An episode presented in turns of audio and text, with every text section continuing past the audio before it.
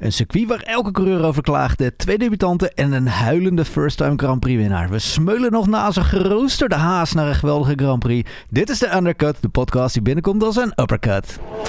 It's James.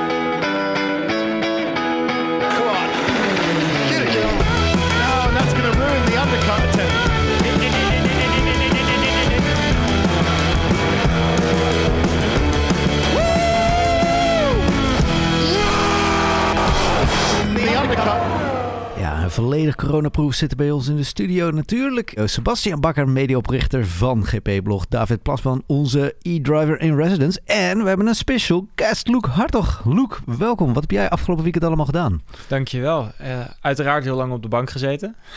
voor een late Grand Prix. En ehm, ja, voor de rest uh, weinig eigenlijk. Veel bezig geweest met volgend seizoen. En, uh, ja, voor de rest gewoon een weekend. Ja, waar race je volgend jaar? Ja, dat kan ik helaas, helaas nog niet helemaal, helemaal bekendmaken. Uh, eind deze week kan ik, kan ik daar een uh, official announcement uh, van doen. Maar er wordt nog een hoop besproken en een paar contracten over en weer. Maar er staat een, een, hele duidelijke stip op de horizon. En het heeft wel te maken met Porsche Carrera Cup racen. Dus dat is altijd mooi. Oké, okay, dus je blijft in ieder geval in de Porsches. Kunnen we dat zeggen of mogen we dat ook nog niet eens zeggen? Dat mag je zeggen. Ik blijf in ieder geval in de Porsches en daar ben ik heel gelukkig mee. Oeh. Ja, maar David, wat is je eerste reactie na de afgelopen Grand Prix weekend? Ja, een super gave race, maar toch wel uh, een teleurstelling. En dan voel je echt mee met die Russell. Die ja. het echt wel had verdiend om hier te winnen. Vooral na die actie op Bottas. Ja, dat was wel echt heel mooi. Het lijkt net alsof we dit gescript hebben, want ik had deze al onder de vinger zitten. It's been a pleasure and I've fucking loved it. And honestly, I'm gutted. I'm, I'm absolutely gutted, but we'll give this opportunity again. I, I hope we get this opportunity again. Thank you. No, well done, mate. You really showed your mettle today. Really showed it. Good job. Ja, een lach en een traan, hè? Oh, oh, Allemaal in één samengevat. Ja, het is, heel, het is echt heel droevig. Um, ik denk zeker als je naar het hele weekend hebt gekeken en ook naar de, uh, ja, daarnaast de vorm van Bottas, gunde je het hem zo erg. Je gunde het hem zo erg. Eigenlijk natuurlijk al ja, dit jaar, want hij rijdt dan ja, voor spek en bonen mee achter uh, Indy Williams. Had vorig jaar, nou ja, Kubica uh, was natuurlijk een hele veelbelovende coureur en echt heel snel. Maar goed, we weten allemaal wat er is gebeurd. Dus mm-hmm. had niet echt een ja, referentiekader. Nou ja, dit jaar met Latifi ook niet. Je, je gunt Russell gewoon die volgende stap. En ja, dat dit gebeurt is gewoon heel zuur. Maar als het een beetje mee zit, uh, voor Russell dan, voor, uh, voor Hamilton niet, zit hij mogelijk uh, komend weekend weer in de auto. Nou, dat, dat zou fantastisch zijn. En jij als coureur zijn, uh, wat, wat, denk je dat bij hem overheerst? De, de, de teleurstelling of, of juist het gevoel van yes, ik, ik kan dit? Ja, ik vind het grappig dat je dat zegt. Want ik vind, ik vind dat hij het eigenlijk best wel heel erg netjes oplost. Uh, ook als je dat, dat bericht achteraf hoort, is dat eigenlijk heel erg politiek correct. Terwijl hij eigenlijk bo bomvol emotie zit. En ook als je vandaag dan zijn Instagram filmpje zag, dan, dan heeft hij toch heel erg dubbele gevoelens, denk ik, erover. Um, en dat zal hij ook altijd houden. Als coureur wil je altijd winnen. En uh, nu, dus nu had hij eindelijk die kans. Um, dus ja, aan de ene kant denk ik uh, inderdaad heel erg teleurgesteld. Aan de andere kant ook wetende dat, dat de mensen die het moesten zien, het sowieso gezien hebben.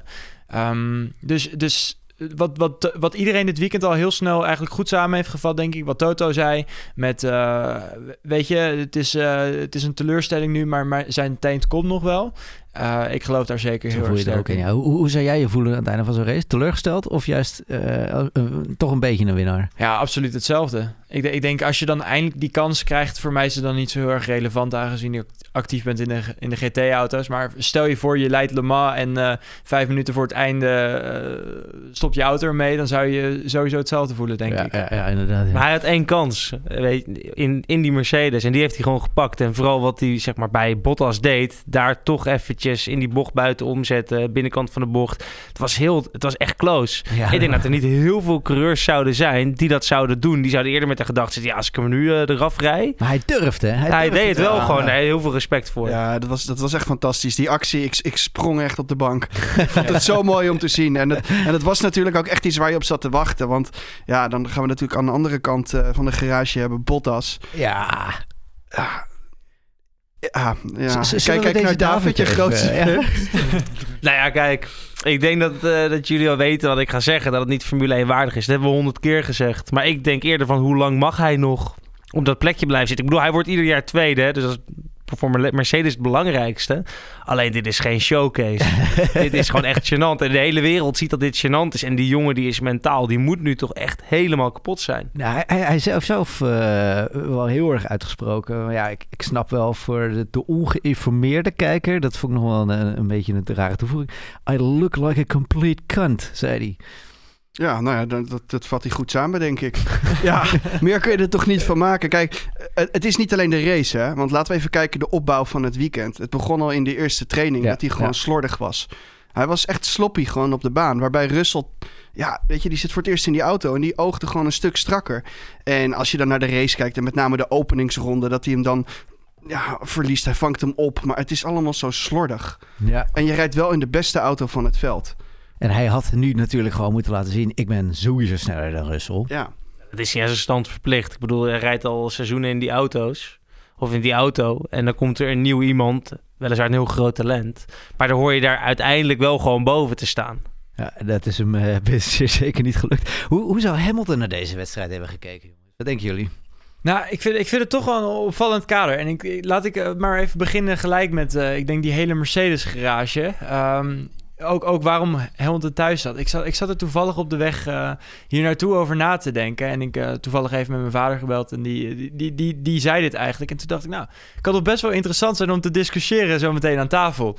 Ehm, dat is dat, ehm, dat misschien dat, dat er iets is gaande geweest binnenin Mercedes... Waar, waardoor Hamilton misschien bewust op de bank heeft gezeten. Je bedoelt te zeggen dat hij eigenlijk geen corona heeft? Nou, eh, denk er maar eens over na. En als ik dan eh, zeg dat, dat misschien Toto dacht van dan geven we eh, misschien vanaf Hamilton zijn kant. Hamilton krijgt niet genoeg betaald. Hij denkt ik laat Ru- Russell in, die- plek zitten. En ehm, als, hij het goed doet, bij wijze van spreken. Nou, misschien voor Toto zijn kant. Als Hamilton het, of als Russell het goed doet. En ehm, eh, hoe zeg je dat? Hij laat zien dat hij Hamilton waardig is. Nou, dan scheelt het hem zomaar even 40 miljoen op jaarbasis. En zometeen met die budget caps die inkomen voor die rijders, dat is heel interessant. Maar aan de andere kant is het misschien ook zo eh, te zien dat als Russell waardig genoeg is voor misschien een tweede rijder of dan wel eerste rijder, dat zou zomaar Bottas eh, plek uit kunnen sparen. En ik weet niet hoeveel Bottas krijgt, 10 miljoen of zo. En als Bottas dus die 10 miljoen wordt ontnomen, Russell op zijn plek kan zitten voor 1 miljoen. En Hamilton dan eh, weer 9 miljoen extra krijgt op zijn salaris voor volgend jaar. Dat is misschien wel iets discussieerbaars. Oké jongens, allemaal even aluminium hoedjes af. Eh, is, is deze conspiracy theory, wat voelen we ervoor? ja ik, ik, het eigenlijk nog... Ja, ik vind eigenlijk niet eens een heel gek, gekke Maar conclusie. waarom zou Hamilton dan hier aan mee willen doen? ja, hij waarom zou Hamilton aan dit toneelstuk meedoen? Lewis heeft alles al gewonnen, zoals Luke zegt. Lewis wil gewoon die 100 overwinningen halen. Die ging hij dit seizoen niet meer halen. En die gaat hij volgend jaar 100% halen. Kijk, en, en daarnaast laten we reëel zijn. Ook al zit Russell er volgend jaar naast... dan wat er, wat er ook gebeurt, Hamilton pakt wel de titel. En als hij het niet op eigen kracht wint... dan, dan wordt er wel een scenario gerealiseerd... Vanuit dat Mercedes. Hamilton die achtste titel gewoon binnenhaalt. Maar het is natuurlijk voor, voor Mercedes is natuurlijk wel bijzonder lucratief om eigenlijk je, je, ja, je opvolger klaar te stomen naast een eh zeven, nou, op dat moment misschien nog wel achtvoudig wereldkampioen. Nou, ik, ik zou het wel eh Toto Wolff waardig vinden om inderdaad op deze zieke manier de, de Formule 1 toch nog een loer te draaien. En maar voor Williams is het wellicht ook interessant, hè? Want die kunnen er nog gewoon een, een paydriver naast zetten. Ik, eh, ik zie het wel, ik, ik geloof er wel in hoor. Het is grappig om over na te denken. Maar, maar dan nog steeds, waarom zou Hamilton eh, aan dit scenario meewerken? Stel, jij zou op Hamilton zijn stoel zitten en jij eh, zou een belletje krijgen en zeggen: Lewis, we hebben dit bedacht. Ehm, als je deze race skipt, ja, dan is het discussieerbaar dat jij volgend jaar misschien 9 miljoen extra op je loonstrook krijgt. Maar ik zou er wel misschien voor thuis blijven voor één Formule 1 voor, één raceje.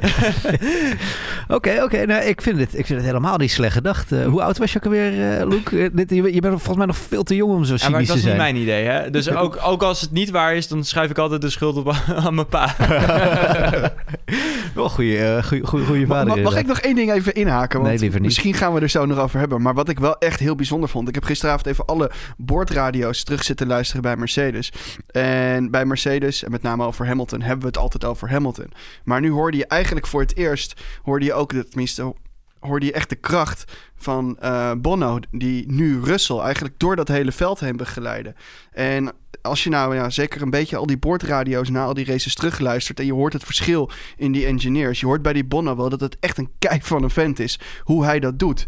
Want ja, je, je, je, je verziekt gewoon de race eh, eh, als team eh, voor, voor Russell. Hij wordt terug op de baan gestuurd. Maar de kalmte die, die Bono wist te behouden van... oké, we gaan hem pakken. Rustig aan. Rustig hier terugschakelen. Dit rustig doen. Hij loodste hem gewoon eigenlijk door naar een van de meest zure dingen... die je denk ik kan meemaken als coureur, helemaal heen. Het was Dat- echt, dat is echt heel mooi om terug te waar. Dat is zeker wel, maar dit is natuurlijk ook wel zo. Hij kan het ook makkelijk zeggen, omdat hij weet dat die Mercedes veruit de snelste auto van het veld is. Tuurlijk, maar je kan ook helemaal opgefokt raken en, en, en daar een beetje zeggen, nu remmen, niet, weet je, helemaal gestrest Zo mooi zijn als Hij je bleef heel rustig. Zo mooi zijn dat we zo'n engineer hebt die zegt, rijden man, rijden man, wat doen we nou? Ja, we?" dat hebben we toch wel eens gehoord bij Ferrari, dat het helemaal opgefokt was. En dit was volkomen kalm.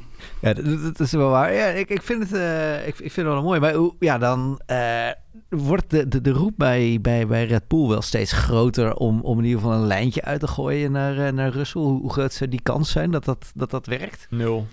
Nul. Ja. Ik denk genoeg Mercedes-motoren op dit moment op de grid waar, eh, waar Russell eh, kan, kan zitten. Dus ik, ik, ik denk ook dat... Want ik, las er een artikel over. Het is ook, ook als Red Bull voor Perez gaat... komen denk ik zo meteen nog wel op... maar ook als Red Bull voor Perez gaat... eh, dan, dan, dan stort het hele eh, Red Bull eh, begeleidingsprogramma helemaal in. Dan, dan, dan is dat niet proven. Want ze hebben de laatste twee jaar... dan twee veelbelovende talenten erin gehad... die dan met een Red Bull achtste... ja, wat is het? Zesde finishten.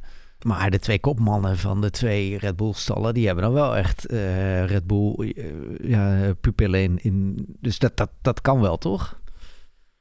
Ja, ik, ik vind het lastig. Ik, ik- ja. Maar ik bedoel, al die teams hebben een juniorprogramma. Als je naar Mercedes kijkt, naar Ferrari. En wat zit er nu in en wat zit er de afgelopen jaren in? We hebben dan Leclerc, Leclerc als enige. ja. Maar bij Mercedes zit nou, tot nu toe ook nog niks. Dan hebben we Russell. Maar de afgelopen jaren heeft al helemaal niks gezeten. Bij Ferrari ook niet. Nee, Dus het, de. Red Bull heeft zich sowieso al bewezen. En soms heb je nou eenmaal gewoon een lichting die niet zo getalenteerd is. En dan moet je gewoon buiten de stal kijken. Ja, ik, ik, ik- twee dingen. Kijk, het Duitse RTL meldde al eh, eh, vandaag dat eh, Marco en Christian Horner schijnbaar al langer een oogje hebben laten vallen op Russell. Nou, of dat echt zo is, of dat dat nu wel heel erg goed uitkomt na de afgelopen race, ja, dat zullen we nooit weten. Ehm, anderzijds, als we kijken naar, naar, naar het junior-programma van Red Bull, als je kijkt naar bijvoorbeeld naar een coureur van als eh, eh, Gasly, die komt nu wel tot zijn recht in die, in die, eh, in die Alfa Tauri. En die heeft het natuurlijk gewoon heel erg moeilijk gehad. Maar het, het kan ook natuurlijk gewoon te maken hebben, en misschien ook wel voor een Albon, dat die gewoon te snel in het diepe worden gegooid. Ja. En natuurlijk heb je een verschil Absoluut. tussen een topcoureur en een goede coureur. Kijk, en een Verstappen, Leclerc en misschien dus ook wel een Russell behoren tot dat, tot dat topniveau. Maar een eh, coureur als Gasly is gewoon veel te hard. Is die gewoon is die er, is die weggehakt. En dat is logisch, want je zit in een topteam, dus je verwacht ook topprestaties. Maar dan is er dus gewoon daarvoor al bij destijds eh Toro Rosso... is er gewoon compleet verkeerd omgegaan met zo'n talent. Ja, ja. Je moet veel meer rijpen. Waar is, is Albon nu zijn stoeltje kwijt al? Ik bedoel, officieel is natuurlijk nog helemaal niks, maar Wat gisteravond eh, ehm, bleek eigenlijk uit, eh, uit opmerking van Christian Horner... Dat, of tenminste eerder dit weekend al, wa- was eigenlijk de situatie van... goh, ze gaan het aan het einde van dit seizoen gaan ze de balans opmaken... en dan is het scenario 1 dat ze of iemand anders pakken... eh, voor volgend jaar. En dat Albon een jaar op de bank moet zitten. En dan kunnen ze vanaf 22 gaan kijken. Of hij zit er weer. Nou ja, eerder deze week dacht je nog een beetje na eh Bahrein 1... eh, dat er nog wel wat werd met geflirt met, met Albon. Hij was ook, eh, die week daarvoor is hij ambassadeur benoemd voor Wings for Life binnen Red Bull. Maar ja, na, na afgelopen weekend, ja, dit kan niet meer. En, en los van, van de prestaties van, van Albon op de baan is, is eigenlijk nog veel belangrijker. Wat ja, in mijn optiek Red Bull misschien wel vergeet, is ze hebben dit jaar heel veel geluk. Hè, met, doordat Ferrari is weggevallen, Mhm. waardoor ze twe- tweede team zijn. ja. Maar als er volgend jaar, als, er, als Ferrari wel weer die uplift heeft... of een McLaren met Mercedes motor die er wel gewoon goed bij zit... wordt het serieus lastig om die tweede plek te behouden. En dat ga je niet doen met Albon... die eigenlijk achteraan een beetje ja, sprokkelt. Ja. Dan wil je gewoon een tweede coureur ernaast hebben... die Laat- gewoon gegarandeerd punten haalt. Laten we even luisteren naar eh, wat Albon zelf te zeggen heeft over de auto. Uh, I mean, honestly, just so hard to race with this. Yeah, understood, mate. It was just kind of lunching at the internal line. Yeah. If we just had a bit less of this here in chicane, I would have been able to stay closer to them through there because I was like I can feel I have more downforce than everywhere, and then we go to the chicane and I, I mean the, the same model 7 and to the uh, we should be faster. Yeah, I understand. And honestly, I think it was mostly the right thing to pick because if I was in the worst tires, I, I I would have been Eh, Even, even een gekke gedachte. Moet deze man niet gewoon zelf uit zijn lijden verlost worden? Want als je na een heel jaar in deze auto eh, nog steeds zo aan het struggelen bent met nagenoeg alles, dan, dan komt die balans er toch ook niet meer. Er zijn twee dingen die ik wil zeggen. Ten- eerste, ik zit mezelf hier helemaal op te vreten dat hij zoveel excuses heeft. Echt, als, als een coureur zijnde, les 1 die je leert al in bij wijze van spreken de kartjes, is je gaat nooit over de auto beginnen. En zeker in de Formule 1 niet, want wanneer alle teams mee kunnen luisteren. Maar je begint nooit... Dat, ik kan er ook heel slecht tegen als mensen... Als, als je dan zo'n radioberichtje binnen hebt en ja, ik heb... Ja, ik heb onderstuur. Ja, dan los je dat maar op, want je bent de verdomme beste van de wereld. En ik kan me niet voorstellen dat ze zelfs in de klasse waar ik dan in rij, eh, eh, Supercup en zo, dat het er al helemaal uitgefilterd is. Dat is dan, de, dan een beetje de top van de GT-racerij. Maar daar, daar komt dan niet meer voor. Als je dat doet, dan ben je gewoon, dan word je gewoon niet meer serieus genomen. Ik kan me niet voorstellen dat dat soort jongens dan zo lang, nog zo lang kunnen klagen en dat het gewoon, dat ze niet zeggen, dit tolereren we niet, weet je Mhm. wel. Je, je zoekt het maar uit, want je bent de beste van de wereld. Aan de andere kant wil ik graag zeggen, Ehm Russell, die, die, die heeft dit, dit weekend wel gewoon laten zien dat als je met een professionele houding van het hele weekend mooi kan opbouwen in een nieuwe auto. En zelfs nog voor, of Bottas moet echt zo slecht zijn, maar dat betwijfel ik ook een beetje. Mhm. Ik denk dat het gewoon een prima average coureur is. Eh, gewoon prima tot de wereldtop hoort. Niet de allerbeste. Maar als je goede, ja, hoe zeg je dat? Goede inzet toont vanaf dag één dat je zo'n nieuwe auto, een nieuwe complete rijstijl. Ik bedoel, het is de langzaamste auto en de snelste auto van, van de grid. Daar zit een verschil tussen. Ja, enorm, ja. Geweldig, David. Ik zie jou eh knikkend kijken. Je bent zo waar met mensen eens vandaag. Ja, nee, absoluut. nou, wat ik er van Albon, kijk, hij heeft inderdaad, hij heeft het het hele jaar de auto gereden. En hij laat het niet zien. En je zit bij een topteam. En ik vind het ook niet helemaal terecht dat je zegt van, ja, of dat, zoals hij zei, van hij had langer moeten rijpen bij Alfa Tauri. Ehm, ik denk als jij Sainz in de tijd dat hij met Max reed in de Red Bull had gezet, had hij 100% had hij hetzelfde gedaan als dat hij bij Toro Rosso reed, eh, deed. Alleen een stapje hoger natuurlijk op Red Bull niveau. Het niveau van Max, dat weten we nooit. Hij zat er drie tiende achter soms, stond zat er ook wel eens voor. Hele degelijke coureur, maar Albon heeft het gewoon niet. En Gasly had het ook niet. Maar ik had het idee dat bij Gasly veel meer met de druk te maken had dan dat het echt in zijn rijden zat. Want die presteert nu wel. Maar uiteindelijk, ja, je moet gewoon in één keer je kans pakken. Kijk naar Russell, die pakt zijn kans. Kijk naar Max Leclerc, die pakt een kans. En deze jongens doen het gewoon niet. Ja, dus we zeggen, eh, eh, we weten allemaal dat ze in Oostenrijk mee zitten te luisteren. Nou ja. Gewogen en te licht bevonden. Nou ja, Red Bull weet zelf ook wel dat ze het moeilijk, eh, dat, dat, dat ze het moeilijk hebben en dat het er gewoon allemaal ja, slecht gaat. Als je gaat kijken alleen al naar het mediabeleid van Red Bull Racing, de afgelopen twee, da- eh, eh, twee zondagen is er normaal een persmogelijkheid eh, om met eh, Christian Horner te praten, waarin hij de pers te woord zat. Dat is al twee we- weken achter elkaar is dat gecanceld. Ja, het heeft natuurlijk wel een reden. En dat gaat denk ik grotendeels toch wel... Nou ja, laat ik zeggen om twee dingen. Welke motor rijden ze? Ehm, en Albon. Ja, En daar op een gegeven moment ja, zijn de excuses op. Ja, dan kun je maar beter gewoon niet meer, eh, niet meer in de stoel gaan zitten en vragen beantwoorden. Want ja, wat valt er hier nu nog over goed te praten? Wat, wat moet Red Bull nu nog gaan aantonen? Of wat, wat willen ze nog zien van een Albon?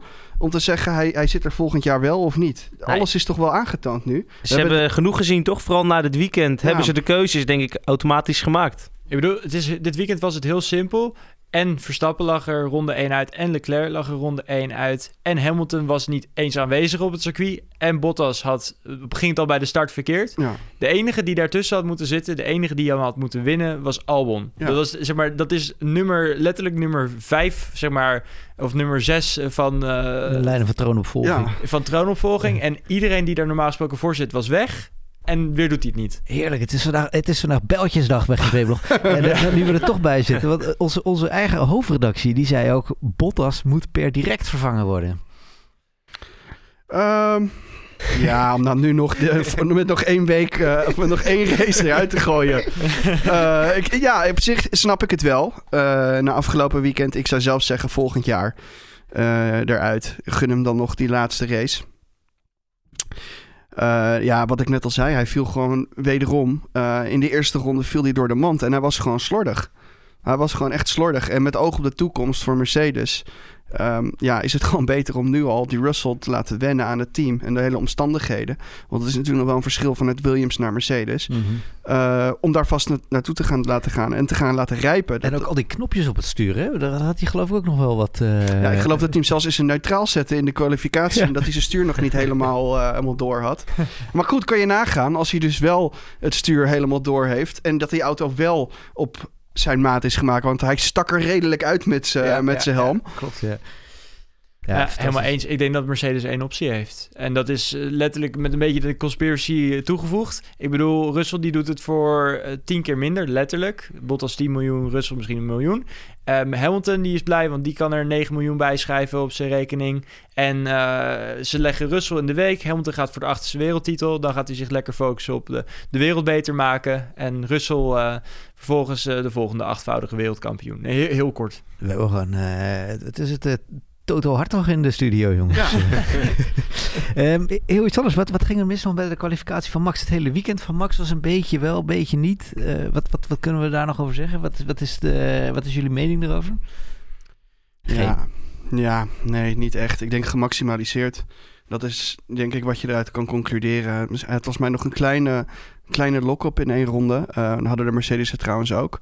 Ehm, maar ik denk dat hij gewoon het maximale uit die auto heeft gehaald. het is wat het is. Het is wat het is, weet je. En ja, wat ik wel opvallend vond, was volgens mij... Ik kan me het seizoen van 2018 en vorig jaar ook nog wel herinneren... dat eigenlijk in een normaal seizoen zie je dat, dat Red Bull... Weet je, zodra de herfst begint, dan, dan lopen ze echt in op Mercedes. Want nou ja, met andere woorden, dan st- stopt Mercedes met de ontwikkeling. en gaan ze naar volgend jaar kijken. Eh, en dat, eh, ja, dat, dat, dat zie je wel een beetje, maar in mijn optiek wel in mindere mate dan in de voorgaande, eh, voorgaande seizoenen. Ehm, dus ja, als we dan kijken naar volgend jaar, om dan maar die lijn door te trekken, ziet dat er niet al te hoopvol uit. Maar goed, ja, als er wel, misschien als er ook wel een tweede goede coureur bij, eh, bij Red Bull bij komt. Dat het nog wat zou kunnen worden. Ja. Die, die nieuwe coureur, eh, is, is, is dat Perez? Ik denk dat je die nu wel eh, erin moet gaan zetten, ja. Want Albon doet het niet. Al Gasly ga je niet terugzetten. Hulkenberg, ja, goede coureur. Maar ik denk dat Perez de enige is die het echt verdient. Ja, want eh, vorige week lieten we Perez natuurlijk heel eventjes horen. eh, ja, wat, wat een ontzettend treurig einde van zijn Grand Prix het was. Hè. Hij reed fantastisch. Uiteindelijk eh, gaat de motor in vlammen op. Eh, en dit jaar, ik bedoel deze week, eh, eindigt hij zo over de finish. Yes, Checo, P1. Yes.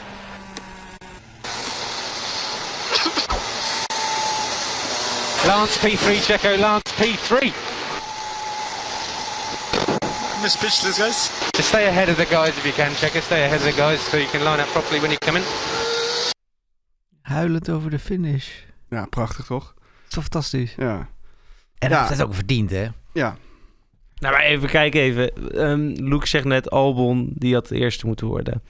Dat had hij ook moeten doen. Maar Perez, die komt dus vanaf de laatste plek. Fantastisch, hè? En die zet hem op één. Ja, weet je, dan bewijs je jezelf weer zo erg. Ik denk, ik bedoel, hij had gewoon op P7 of P6 had hij nog gewoon prima, had hij een prima resultaat behaald. Hij heeft tien mensen ingehaald. Gewoon het, het- echt met inhaalacties, hè? De rest natuurlijk een En pitstop. het is, ja, maar ik vind het heel onterecht dat hij dan niet in de Formule 1 zit. Hij is gewoon nog een P-driver. En dan komt er wel een Mazepin en dan zit er zo'n eh, het, Latifi. Kom op jongens, ja. het gaat alleen maar meer direct om geld, geld, geld in die sport. En nou ja, wat blijft er nog van over? Hij had ook wel een opmerkelijke uitspraak daarover. Eh Luke, misschien jij als, als, als, als eh, Luke Wolf zijnde, hebben hier wel een idee over. Ik zou rustiger zijn. Eh, hij, hij, Checo zei zelf, ik eh, denk eigenlijk niet altijd zijn de beste coureurs in de Formule 1 eh, aanwezig. Wat, wat denk jij ervan? Dus het heeft allemaal te maken met tijd. Als ik van mijn eigen eh, experience praat, het heeft allemaal te maken met tijd. Laten we eerlijk zijn, want ik zie vaak genoeg op internet voorbij komen. Als ik in die auto had gezeten, had ik het anders gedaan en bla bla bla. Het is echt hard werken, jongens. Het is echt hetzelfde als de, de wereldtop in wat dan ook ha- halen. Het is bizar. Uh, maar ik, vind, ik ben het met David eens, er komt de laatste tijd gewoon steeds meer geld in gemoeid. En um, hoe zeg je dat? Het houdt het draaiende, maar het is niet waar, waar onze hartjes sneller van gaan kloppen. Wa waardoor wij vroeger altijd naar het circuit gingen en, uh, en van auto's gingen kijken, gaat het steeds minder om. Dus ja.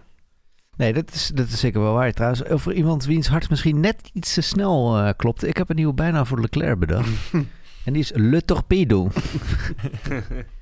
Wat doet die gast nou weer? Het is de derde keer in één seizoen dat hij iemand in de eerste bocht er vanaf rijdt. Of in de eerste ro- ronde er vanaf rijdt. Ja, nou ja, dat is dus eigenlijk eh, als we bijvoorbeeld gaan kijken naar Verstappen, die op een gegeven moment eh, eh, een auto had in 2016 eh, die heel erg goed was. En in 2017 toch een stuk minder goed was. Ja, dan ga je overcompenseren. En dan eh, ja, word je dus inderdaad, eh, zoals eh, Sky het ook zegt, reckless. Dan, dan ga je capriolen uithalen om te overcompenseren. En dat is eigenlijk wat je gewoon ziet dat Leclerc dit seizoen doet.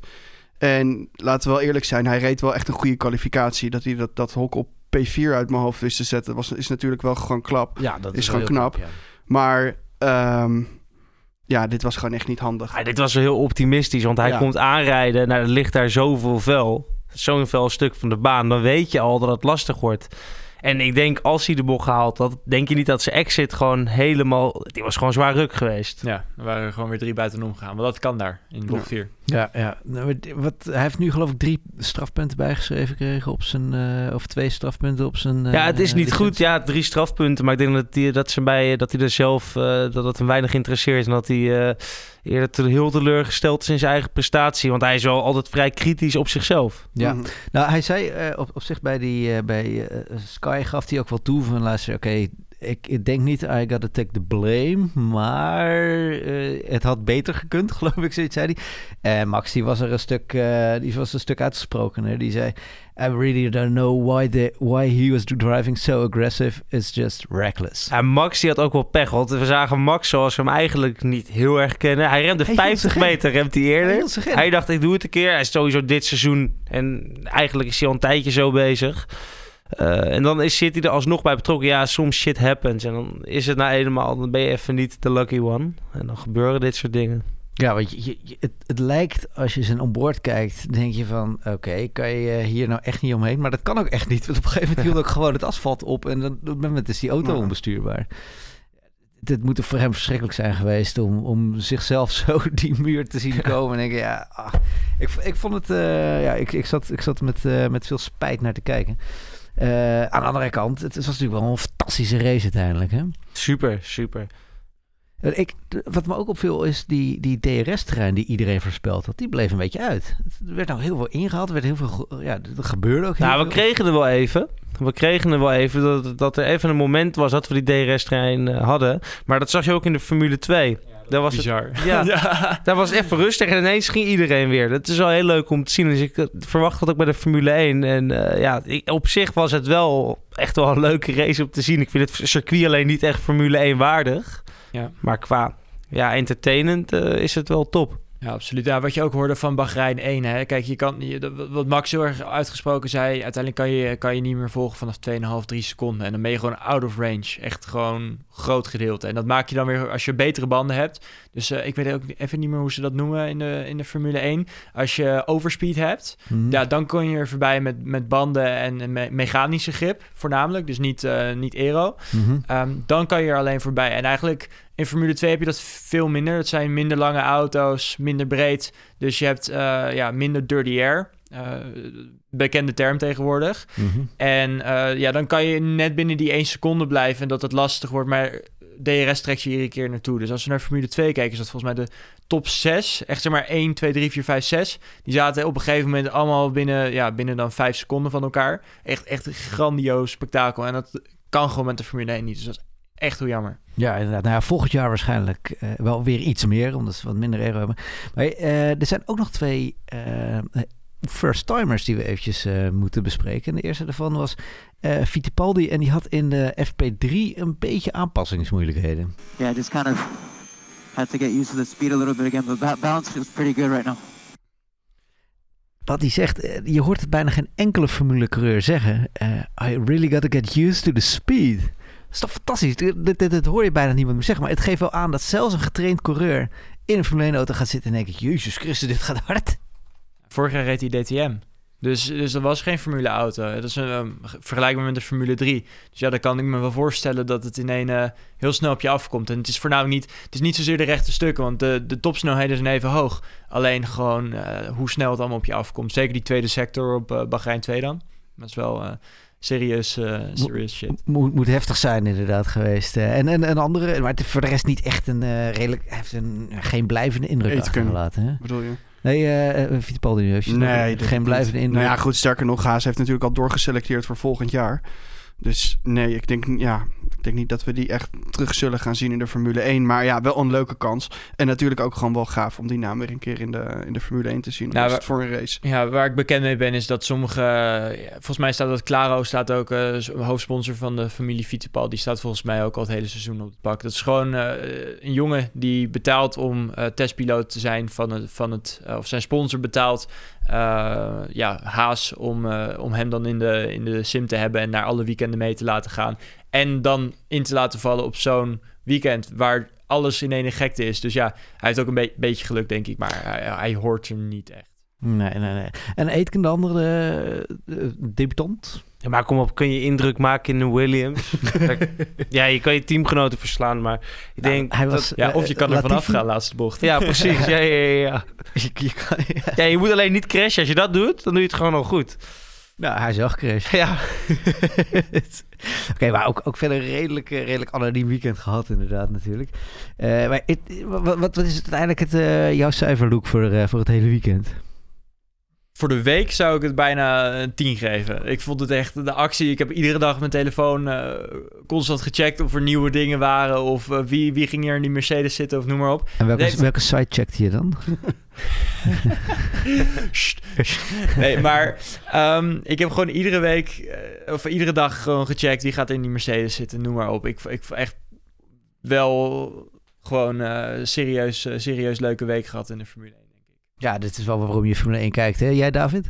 ja, ik vond het ook al richting de 10. En eh, ja, ik vond het pijnlijk om Stoffel uh, van Doorn zo naast te zien staan. Want het is waar Russell in zat, was eigenlijk toch wel zijn plekje. Ja, hè? ja, die, is- die ja. is daarheen gevlogen om een beetje ja, om te kijken. Nou ja, en eh, misschien ook nog wel even te herhalen deze week. het is natuurlijk vorige week maandag is het, er, is het uitgebreid besproken. Maar het is wel mooi om te zien ehm, hoe de hele Formule 1 om is gegaan met ja, dat, toch wel dat vreselijke ongeluk eh, van Grosjean. En het respect dat hij ja, toch wel kreeg. Ik weet niet of jullie de beelden hebben gezien van dat hij eh, zaterdag even terugkeerde op het circuit. Ja. Dat heel Haas voor hem heeft staan applaudisseren. Nou, de dag daarna werd natuurlijk bekend dat hij ook niet zal gaan rijden in, eh, in Abu Dhabi. Wat natuurlijk heel vervelend is eh, voor hem. Ik weet niet of het voor eh, Haas wat... maar goed, dat laat een beetje in het, in het midden.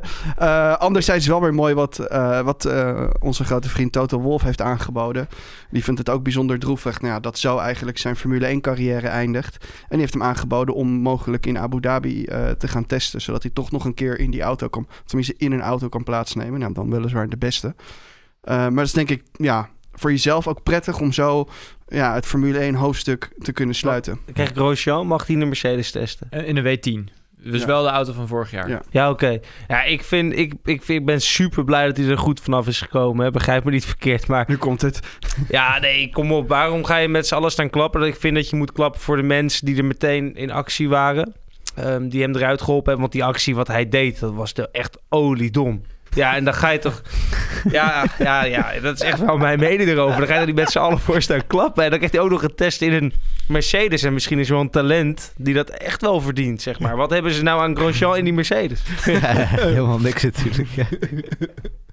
Nee, dit is wel... Nou ja, ik probeer hier nog een mooi, mooie twist te geven aan, aan, aan, het, aan, het, aan het sprookje van Grosjean. Maar goed, dat, eh, dat is hem niet gegund. Het is duidelijk, David. Ik ambieer nog een eh, carrière bij eh, zijn e-sports team. Maar die zit, het zit er niet meer in, denk ik. We pakken meteen even door naar de What the Fuck van de week. En die komt natuurlijk op naam van het team van Mercedes. Careful on the brakes. What are these tires? You are back on the hard tires. Uh, all tires back on. So you're just pushing from exit to safety car line. Say again, which tire set is this? So, so Valtteri, I think we have the hard tires, the tires you were on. You have them back on the car. Why? We'll discuss that later on. What the fuck was that? Dit is een hele teleurgestelde, lichtkalende, toch al wat depressieve Finn, nietwaar? Nou, misschien ook wel woest op zijn manier. Ja. ja, ja het, het was echt eh, comedy capers als je er naar keek. Het was gewoon een herhaling van, eh, van de Duitse Grand Prix. Het meest droevige was gewoon dat Russell binnenkomt en je ziet op de achtergrond, zie je gewoon dat band rechtsachter, zie je gewoon wegrollen. Er wordt het ding opgeschroefd en je ziet iemand het wiel zie je oppakken. Die zie je er naar kijken. Die zie je kijken naar Russell die wegrijdt van... wat is hier gebeurd? En dan die totale verwarring. En dan gaat het bij Russell, of gaat het bij Bottas, gaat het mis. Zie je, die, staat dat ding staat te lang stil. Gaat die, gaat die rem, die gaat in de hands. Het is echt, echt Ja, ongelooflijk. het schijnt dus dat Netflix eh, weer aan het filmen Ja. was. Yes. En dat is ook in Hockenheim natuurlijk gebeurd. Dus Ja, ja, ja, ja. als je een bijgeloof hebt. Gewoon nooit Netflix toelaten. Maar kijk, eh, Luke, jij bent een beetje van de conspiracy theories, hebben we vandaag geleerd. Nee, helemaal Eh, denk, niet. denk je dat Helemaal Netflix, Netflix niks hierachter zit? Nee, absoluut. En wat had jouw vader daarover te zeggen? Je had ook een andere idee? Dan wil ik deze ook weten. Ja, precies. Ik durf het echt niet te zeggen. Ja, ik weet niet of jullie de, de reactie ook eh, eh, na de race. Sky, eh, die hebben eh, Wolf geïnterviewd. En die ging gewoon echt letterlijk over zijn nek van wat er gebeurde. Logisch natuurlijk, want het, het, het, het doorgaans goed gesmeerde Mercedes... ja, dat, dat, dat verkloot het natuurlijk gewoon compleet. En, en hij was zelfs aan het vloeken bij Sky. Nou, Ja, dat, is, dat is iets wat je Wolf niet snel hoort doen. Maar hij zat ook te mekkeren over de radio of zo, toch? Ja, er was een, eh, een issue met de radio, waardoor de communicatie niet goed verliep tussen, eh nou ja, goed, daarbinnen bij met de pitcrew. Waardoor de ja, verkeerde banden klaar lagen voor de verkeerde coureur. Nou, ja, dan wordt het natuurlijk ja, één grote clusterfuck. En dan krijg je dus dat, dat die pitstop, volgens mij van Russell was dan nog wel snel. Maar ja, verkeerde banden. En toen kon hij weer opnieuw binnenkomen. Ja, dat was een drama.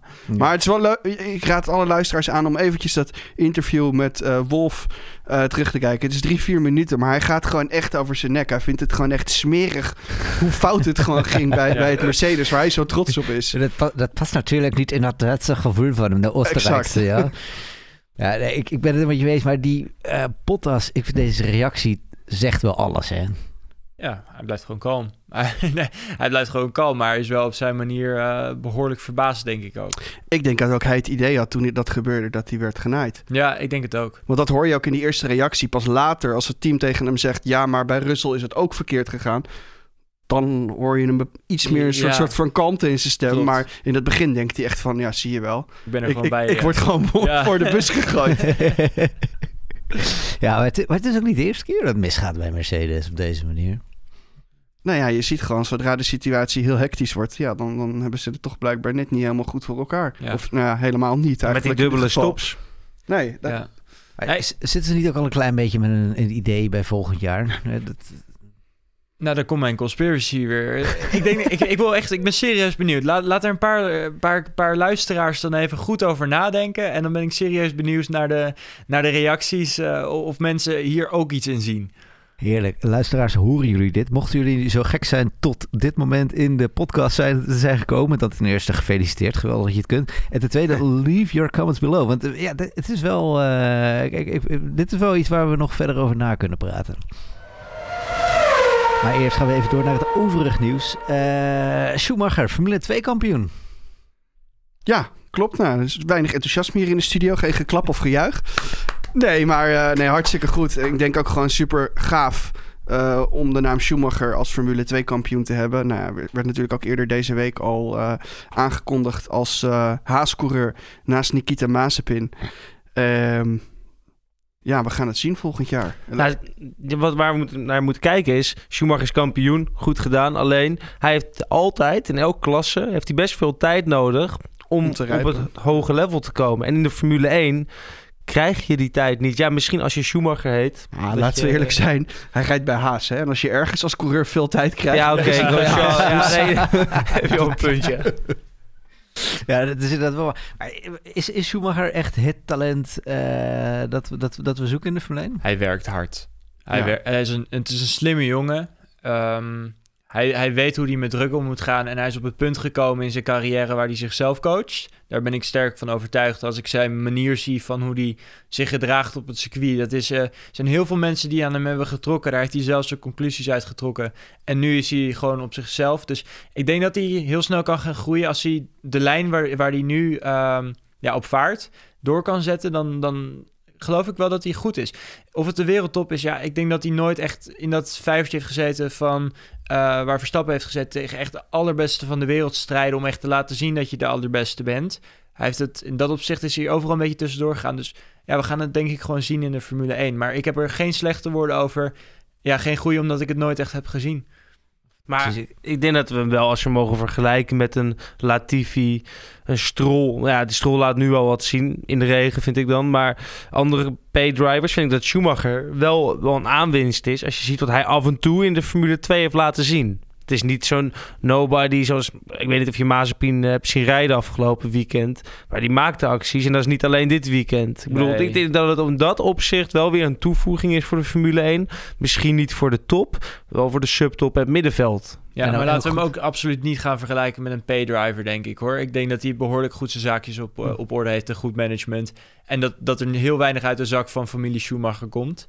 Maar ehm, ja, ik, ik, ik denk dat, dat je totaal, eh, ik ben het totaal met je eens dat het gewoon wel een aanwinst is op een soort van nieuwe manier. Ja, en, en een goede toevoeging is aan de Formule 1 dus. Eh, en is er al nieuws over Hamilton eigenlijk? Of, loop, ik, loop ik enorm achter? Nee, nog niet. Nou, we gaan nu even kijken. De, de producer die kijkt nu heel snel het nieuws naar. En die gaat dan... Die steekt zijn vinger op. Is er al nieuws? Op gpblog.com slash nl. Geen nieuws. Maar weet je, er is eigenlijk, hè, als Verstappen dat zo'n contract nu niet zou verlengen, of het zou einde seizoen zijn, dan zouden we allemaal echt hier op de tafel staan. Gaat hij naar Mercedes, dit, dat. En bij Hamilton denkt iedereen maar een beetje van, ja, die gaat toch wel verlengen. Nou, dat, dat vind ik nog even interessant. Want je zegt inderdaad Verstappen, eh, Mercedes. Het is waarschijnlijk eh, misschien bij iedereen wel dit weekend eh, in zijn hoofd gekropen. Al niet heb ik het hier en daar wel wat re- reacties over gezien. Na de vorm hè, van Russell van afgelopen weekend... is de kans dat Verstappen bij Mercedes komt te rijden... niet gewoon best wel heel erg klein geworden. Ja, Als, als Hamilton nu niet stopt. Dan is die kans niet gewoon nihil. Nee, natuurlijk. Ik bedoel, hij gaat niet naar eh, Mercedes toe, eh, Max. Dat, als er een tweede rijder in komt, wordt het Russell. Nee, maar ik geloof ook niet dat ze Russell en Verstappen erin zetten. Want eh, die hiërarchie is ook gewoon heel goed. Ze bouwen de beste auto's. Ze hebben een nummer 1 en een nummer 2 rijder. En het werkt. En het is geolie, geoliede machine. Weekend na weekend. Dus daar blijven ze gewoon bij vast. Dus eh, als ze eh, dan Russell kiezen, waar ik ook zeker van uitga, dan komt Verstappen daar niet meer tussen. Ja, je kan, je kan, je, je kan er een heel gedoe om maken. Maar ik, ik, ik denk echt dat, dat Verstappen daar geen kans heeft. Nou, dat eh, wordt dan dus toch wel moeizaam als we dan naar de komende paar jaar gaan kijken. Dan moet Red Bull, echt met een, eh, met een paar wonderen gaan komen. Willen ze in, nou ja, laten we dan maar gelijk kijken naar 22. eh. ja, Ja. ja, maar laten we weer eerlijk zijn ook. Hè. Ieder, iedere, om, om de nieuwe era, zeg maar, om de nieuwe auto is er een team wat dominanter is. Ja. Dat is, dat, het is, zeg maar, nieuwe reglementen. Dan, het kan ook zomaar zijn dat Renault in een, een auto bouwt die anderhalf seconde sneller is dan de rest in 2022. Je weet het niet. nee. Dan heb je natuurlijk het voor... Ik word gewoon afgekapt. Ik, ik wou zeggen, ik ga je even afsnijden. ik, ik, ik, ik wil even met Loek praten. Loek, heb jij geen Formule 1 dromen? Nee, nooit gehad ook. Dat, klink, dat klinkt heel raar natuurlijk. Ehm, maar ik kwam op het circuit als driejarig ventje. Ehm, eigenlijk eh, om auto's te kijken. Om, want papa die was monteur. Die sleutelde aan een paar raceauto's. En eh dat ik het echt geweldig om op het dak te staan en drie auto's de bocht in te zetten. Dus voor mij is autorace is ook niet op de tv Formule 1 geweest. Voor mij was dat gewoon, ehm, ja, hoe zeg je dat? Letterlijk het, het voelen, letterlijk de trillingen in de grond nog voelen, bij wijze van spreken van het geluid. En eh, letterlijk in de auto's zitten. En dat waren voor mij auto's. En Formule 1 auto's, ja, die zie je alleen op de tv. Eh, hoe je nou bent of keert, zeg maar. Ja, je, je bent ook wel iets te lang om in een Formule 1 auto te gaan zitten, hè, geloof ik. Ja, achteraf. Maar toen ik begon, toen was het nog niet zo duidelijk. ik was geen, ik was geen, ik, toen ik drie was, was ik nog geen 1,90. Nee. Nee, echt niet? Nee. Nee, ik nog steeds niet. nee, ik, ik vind het wel fantastisch om, eh, om je hier zo over te horen. Je, je, je, je grote held is wel... Ja, ik, ik heb nooit echt een grote held gehad. Dat is, eh, ja, dat klinkt heel, heel erg hard. Maar ik heb, ik heb altijd geleefd met, ik pak, of tenminste, ik kijk naar mensen, ik pak Ik, de eh, beste ik, ik beetjes ga je even onderbreken. Op loekhartog.nl staat held James Hunt. James Hunt. Ja, dat is ooit een beetje een ja, meme geweest. Ik weet het niet helemaal. ik, ik heb een sponsor, die noemen altijd de Hunt. Vanaf begin, vanaf begin af aan. En nee, geweldige gast. Maar ehm, ja, hoe zeg je dat? Ja, nooit echt een icoon of een held gehad. Eh, altijd gewoon de beste beetjes gekeken en proberen daarvan te leren. En van eigenschappen in plaats van echt een idool te hebben. Ja, wa- wa- wat zou jouw pad zijn naar de top volgens jou? En wat is dan de top die je wil halen? Ja, goeie. Mijn, mijn, mijn top is, eh, is Le. Eh, je krijgt natuurlijk nu ook in de toekomst een nieuwe klasse LMDH. Dat, lijkt op dit moment al, als je ze een beetje optelt, plus minus acht fabrikanten aan, aan, aan te gaan sluiten. Ik geloof dat het zomaar een beetje het nieuwe groep C kan gaan worden.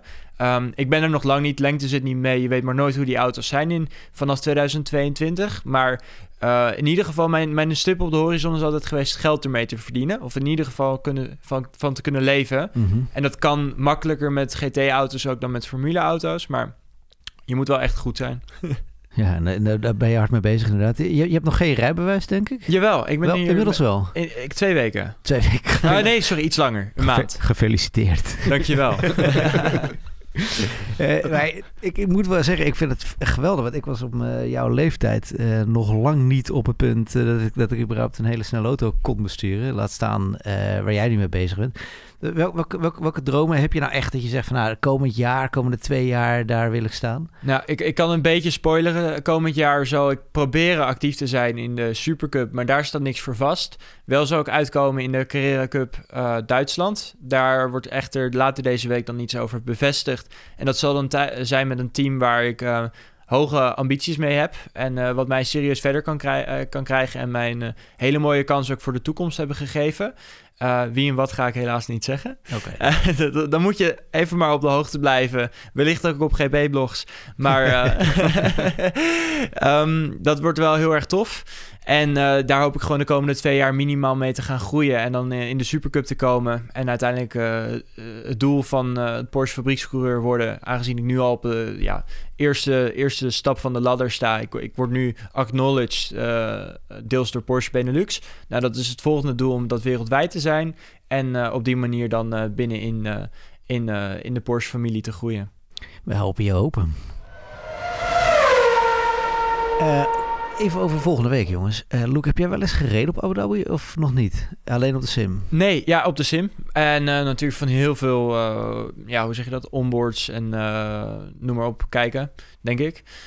Dus ik weet wel waar links en rechts is, uiteraard. En ik ben er één keer in persoon geweest, maar dat was echt op vakantie. Gewoon even langs gereden om te kijken wat het nou was. En het is echt een hoop, ja, hoe zeg je dat? Gewoon alles hoe, hoe dat in het Midden-Oosten is. Het is zeg maar, er staat een hoop, maar... eh, bij wijze van- aan de voorkant is super mooi, maar van de achterkant is het gewoon een kartonnetje, weet je wel? Het is heel veel dat. Ne- ne- Neem ons, ons mee is over een rondje uh, Jasmarina. Zo lastig hè, zonder video. Maar ik zal het proberen. Nou, je, zeg maar, je hebt het rechte stuk. eh Pitstraat aan de rechterkant. Het is wel leuk, want je komt links van, eh, je komt links van de baan kom je hierop. Dus je gaat onder de, ehm, ja, onder de echte baan door. Dus je hebt een tunnel, uh, Pitstraat uit. Dus de pitstops zullen ook wat langer zijn, omdat er wat meer een kronkel in zit. Eh, vrij korte pitstraat, dat dan weer wel. Je, ehm, eh, je, je, je gaat links. Dan heb je twee snelle bochten. Dus eh, links, rechts is een vrij vloeiend stuk waar de Formule 1 auto's heel hard eh, door zullen gaan. Kom je eigenlijk eh, door een soort van linker kni- knik over een heuvel. Dan een heel erg, ja, een beetje stadiongevoel wat je krijgt. Links, rechts, links met een hele korte herping openen naar een heel breed, groot rechtstuk waar je ook weer DRS zal hebben dit weekend. Vermoed je dat daar veel gaat gebeuren? Of? Ja, dat is de enige plek waar je wat kan. Of in de eerste ronde in de herpin nou, in dat stadion gebeuren. Daar zagen we volgens mij vorig jaar ook eh, een Racing Point. eh, een, volgens mij was een Ocon Verstappen raken. Zeg je Ja, dat goed? klopt, klopt. Ja, dus, eh, dus dat is dat. En dan eh einde rechte stuk, een kleine chicane. En dan eigenlijk weer voor een... Ik vind het altijd heel erg op elkaar lijken. Dan heb je een, eh, ja, hoe zeg je dat? Een recht stuk met daar de support paddock, pitmuur. Ehm, en dan eh, weer een soortgelijke links-rechts knik, links-rechts-links. Daar hadden volgens mij Verstappen die daar een hele mooie actie deed op, eh, dat Bottas? op Bottas vorig jaar. Ja. Was eh, serieuze shit. Ook weer een DRS-zone daar naartoe overigens. En dan gaan we wel een beetje naar een, een, een leuk gedeelte. Ik, ik moet echt zeggen, ik vind het echt een... Echt een rukbaan. Ik- het is echt, het is er is weinig aan. Weinig in te halen ook, denk ik. Het is heel lang voornamelijk. Uh, niet zo lang als Spa-Francorchamps, maar wel lang. En um, dan ga je een soort van uh, beetje straatstijl met 30 meter run-off uh, gebeuren in. Dus iets dichter bij de muren en uh, overal zelfde curbstones. Dus dat is ook niet heel bijzonder. Dus je zal ze er half omheen zien rijden, half raken. Ehm, ja, en dan eh, links, rechts, rechts, links, links, muurtje. En dan eh, waar je dichtbij komt, maar dat zou ook niet spannend zijn. Rechts, rechts en dan draait het stuk op. En dan eh, ongeveer eh 500.000 kilometer rechtstuk, geloof ik. Hè? Oh, ja, dat, dat, dat valt weer mee. Het, het, het, rechte stuk op, op, op, langs de pit, pitstraat is niet zo lang, maar het is een vervelende baan. In mijn David, in drie woorden, deze baan? KUT? Drie letters nodig om nog beter. Ja, het is, oh, trouwens, als ik heel even, eh, heel even terug mag grijpen. Afgelopen eh, race had iedereen zoiets van... Oh nee, dat wordt heel erg saai. Wordt, wordt, wordt echt, het is echt een eh, circuitje van niks. Echt een Mickey Mouse baantje. Eh, heeft het eigenlijk toch een geweldige Grand Prix opgeleverd. Kunnen we zoiets verwachten ook eh, op, op, op eh, Abu Dhabi? Nee. nee, maar kijk ook even terug naar vorig jaar. Dat was ook echt een draak van een race. Eh, voor een finale. En eigenlijk is de finale altijd gewoon verschrikkelijk in Abu Dhabi. Het is dat ze het meest betalen. Waardoor ze aan het einde op de kalender mogen staan. Maar ja, van mij mag je er helemaal af. Of ergens tussen het seizoen. En dat je gewoon kan, kan afsluiten met een knaller. Want ja, het gaat uit als een nachtkaars. Echt het leukste van die hele race. Voor mij, het gevoel van de afgelopen paar jaar, is dat mooie vuurwerk Is dat dat, je vuurwerk? hebt aan het einde. ja. Eh, ik bedoel, het is natuurlijk eigenlijk van de zotte. Die hele baan, die heeft 1 miljard gekost, hè, dat hele complex. Je had het er net al van, het ziet er aan de voorkant mooi uit. En aan de Ja. achterkant als karton. Kan je nagaan, het heeft een miljard gekost om dat gedrocht daar neer te zetten. Dat is bizar. Echt, eh, ik ben er geweest, maar is dat met, Ferrari, eh, met dat Ferrari World erbij? Dat mag ik hopen, want het is echt, het is echt niet, niet, niet, het is echt helemaal niks. Ja, het is het, terwijl- eh, terwijl Spa-Francorchamps, nou, het schijnt 13 frank heeft gekocht in de, gekost in de tijd. Ja.